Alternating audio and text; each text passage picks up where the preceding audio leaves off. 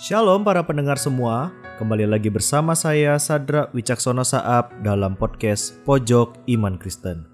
Judul renungan kita pada hari ini adalah Di mana bumi diinjak, di situ langit dijunjung. Yang terambil di dalam 1 Korintus pasal 9 ayat 19 hingga ayat 23.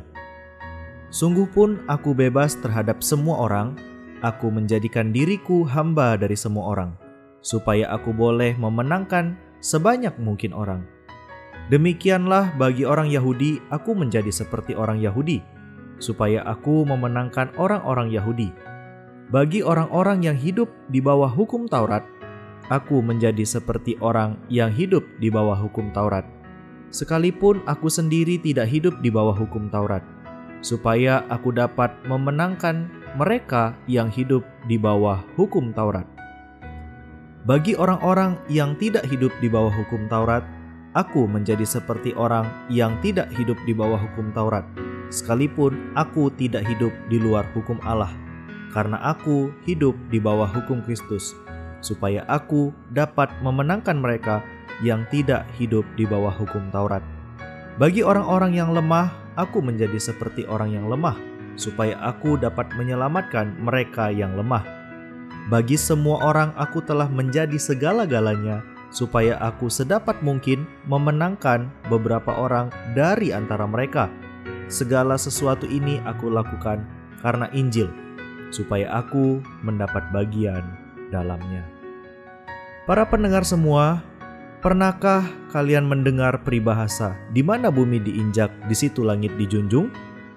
Maksud dari peribahasa ini adalah walau di mana kita berada, kita mesti mematuhi peraturan tempat yang kita diami. Misalnya, ketika kita pergi keluar kota, kita pasti akan menemukan suatu hal yang berbeda dari daerah asal kita. Maka, kita harus menghormati adat istiadat dan cara hidup atau kebiasaan penduduk setempat, karena setiap daerah memiliki peraturannya sendiri, apalagi jika daerah tersebut masih kental dengan adat istiadatnya. Masyarakat setempat pastilah mengikuti aturan dari daerah tersebut. Begitu juga sebagai pendatang atau wisatawan, sudah seharusnya kita menghargai budaya daerah tersebut dan belajar untuk menyesuaikan diri dengan keadaan yang ada di sekitarnya. Dalam bagian firman Tuhan yang telah kita baca pada hari ini, kita melihat di mana Paulus mengajarkan bagaimana seharusnya orang percaya yang hidup di tengah-tengah berbagai budaya, status, ekonomi, dan tradisi yang berbeda untuk tetap menjadi saksi Kristus. Paulus menjelaskan bahwa ia menjadi contoh bagaimana ia tetap melakukan tradisi Yahudi, menjadi seperti orang yang hidup di bawah hukum Taurat, dan menjadi seperti orang yang lemah di antara orang-orang lemah. Semua itu Paulus lakukan dengan tujuan membawa mereka untuk mengenal Kristus dan juga memberitakan Injil kepada orang-orang yang belum mengenal Kristus. Paulus memberitakan Injil ke berbagai daerah, baik di kalangan orang Yahudi maupun di luar kalangan orang Yahudi. Semua wilayah atau tempat memiliki tradisi dan budaya. Maka dari itu, Paulus memberikan contoh bagaimana ia menyesuaikan diri demi pemberitaan Injil dan memperkenalkan Kristus. Para pendengar semua, saat ini kita juga melihat di setiap wilayah dan tempat memiliki tradisi dan budayanya masing-masing.